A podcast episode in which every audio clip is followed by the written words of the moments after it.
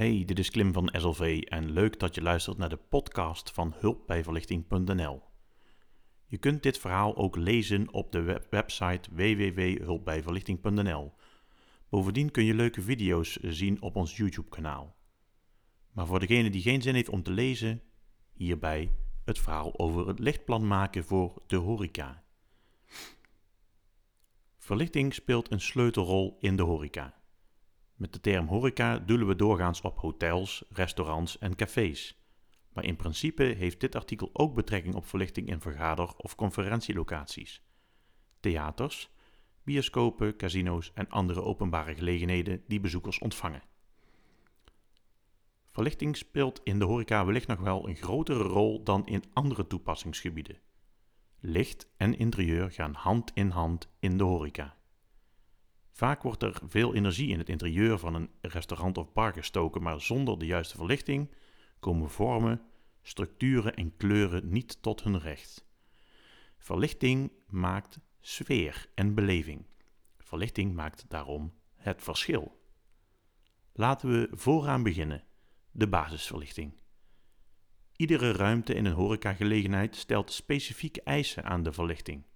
Dit hangt meestal samen met datgene wat er in die ruimte gebeurt. De toepassing of welke taak hier wordt uitgevoerd.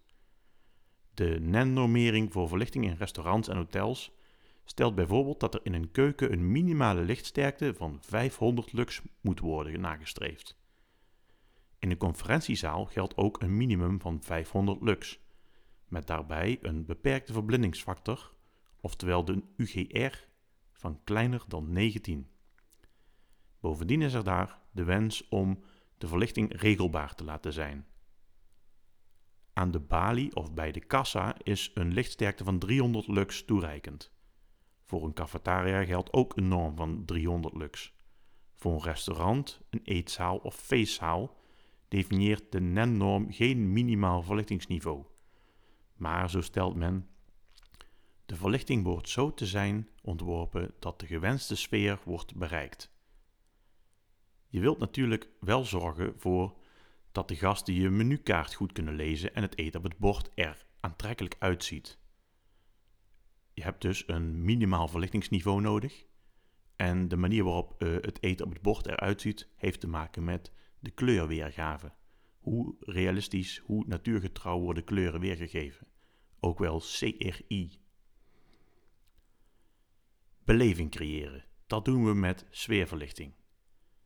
Is eenmaal de basisverlichting op het juiste niveau gebracht, dan komt de sfeerverlichting in het ontwerp aan de beurt. Sfeerverlichting kan onderdeel zijn van het totale concept van de horecagelegenheid. Steeds vaker wordt een avondineren een ware beleving waarbij de verlichting een actieve rol speelt. In sommige gevallen wordt er gewerkt met gekleurd licht, oftewel RGB, Enerzijds kan dit onderdeel zijn van bijvoorbeeld lichtlijnen in het interieur, in koven, langs muren of objecten. Anderzijds kan er heel bewust een sfeer of effect op de bezoekers worden opgeroepen. Zo blijkt uit onderzoek dat rode, oranje en gele tinten de eetlust opwekken. Echter, let op.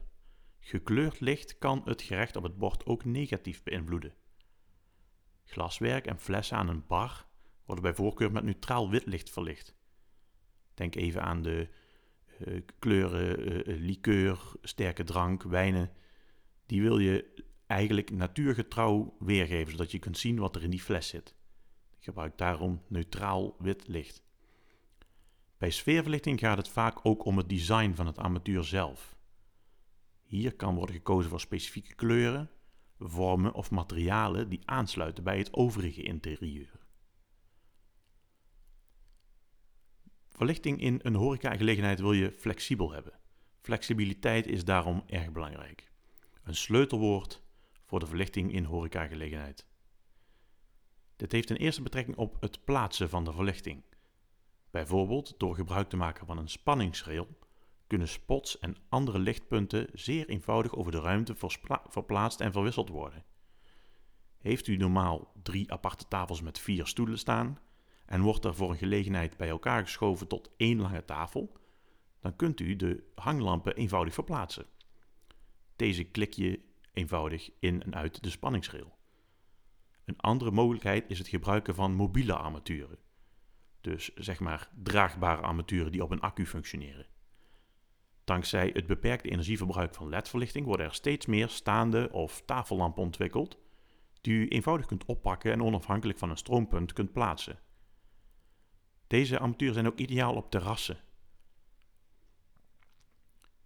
Maar flexibiliteit bij verlichting in de horeca heeft ook betrekking op uh, de intensiteit van het licht en eventueel de kleurtemperatuur van het licht. Als het gaat om wit licht, spreken we van de kleurtemperatuur van warm wit licht of koud wit licht of eventueel neutraal wit licht. Eenzelfde ruimte kan overdag gebruikt worden voor een zakelijke training of vergadering en s'avonds juist voor een sfeervol diner. Na afloop dient de schoonmaakploeg voldoende licht te hebben om te kunnen opruimen. Heeft de horecagelegenheid veel invallend daglicht, omdat er bijvoorbeeld grote ramen in de gevel zitten, dan hoeft het kunstlicht op een zonnige dag wellicht minder fel te branden. Is het buiten grauw, dan maakt u het binnen extra warm en aangenaam met een warme kleurtemperatuur. S'avonds heb je veel minder licht nodig om een intieme sfeer te creëren. Dit wordt uitsluitend bereikt als de lichtsterkte en eventueel ook de kleurtemperatuur eenvoudig aangepast kunnen worden. Daarom spreken we van flexibiliteit. Het licht binnen is van belang, ook voor buiten. Bedenk dat wanneer een horecagelegenheid binnen goed verlicht is, dat dit het publiek aan de buitenzijde zal aantrekken. Het werkt in feite als een etalage. Wanneer zij naar binnen kunnen kijken en daar de aangename sfeer en het mooie interieur en de opgewekte gasten zien, dan zal dit een effect hebben op de passanten van het pand. Een donker interieur kan van buitenaf de indruk wekken dat het restaurant of café gesloten is. En dat wil je natuurlijk voorkomen. Hulp bij horecaverlichting. Het maken van een lichtplan voor een hotel, een restaurant, een bar, een café, een conferentieruimte, een feestzaal of misschien wel een casino kan complex zijn.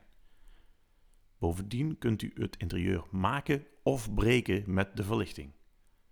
Een professioneel advies met een gedegen onderbouwing kan dan ook uitkomst bieden. Een lichtadviseur kan bovendien een 3D-visualisatie maken van het te verwachten eindresultaat.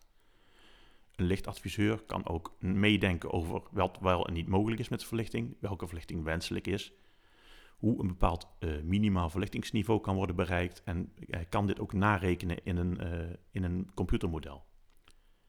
Bent u op zoek naar hulp bij horecaverlichting?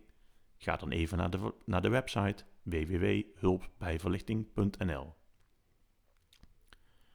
Wil je meer over dit onderwerp te weten komen? Kijk dan op de website www.hulpbijverlichting.nl of bekijk de YouTube-filmpjes of luister naar de andere podcasts. Bedankt voor het luisteren. Dit was Klim van SLV.